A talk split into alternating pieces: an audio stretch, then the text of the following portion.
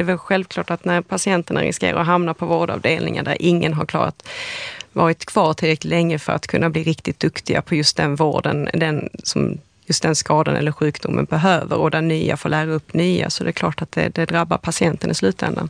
Ja, ofta kan det ju ta lång tid att lära sig hur allt fungerar på en ny arbetsplats. Så om personalen allt för ofta byts ut så kan det alltså bli rörigt.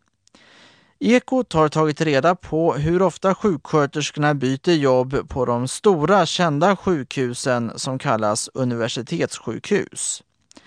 I Stockholm, Uppsala och Skåne så byts personalen ut så ofta att cheferna där tycker att det blir ett allvarligt problem för vården. Likadant är det ibland i Göteborg, men bara under vissa perioder. På universitetssjukhusen i Örebro och Umeå så stannar personalen ofta kvar en längre tid på sina jobb. Men där finns istället problemet att det saknas sjuksköterskor. Linköpings universitetssjukhus har tidigare haft problemet att personalen alltför ofta byts ut, men där fungerar det bättre numera. En av de platser som alltså har störst problem är Stockholm. Den som har ansvar för landstingets personal där är Maria Englund. Hon säger att Stockholm på senare år har fått många nya privata företag som håller på med vård. Och när det finns många olika arbetsplatser att välja mellan så byter personalen oftare jobb.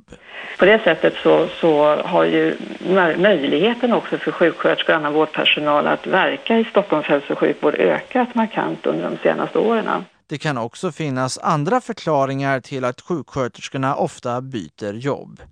Personalen kanske är missnöjd med sina arbetsplatser och byter för att de vill hitta något bättre. Det tror sjuksköterskan My Morin som du hörde tidigare. Hon säger att vården inom Stockholms landsting fungerar dåligt. Det är för lite personal och för mycket stress. Vi har inte de kollegorna vi behöver, vi har inte det utrymmet vi behöver, vi har inte den tiden vi behöver för att, för att kunna utföra ett så gott arbete som vi skulle vilja göra. Mymorin tror också att många sjuksköterskor byter jobb för att få högre lön. Mycket just för att kunna få upp sin lön eller utveckla sig så, så måste man byta arbetsplats och det medför såklart en hög personalomsättning.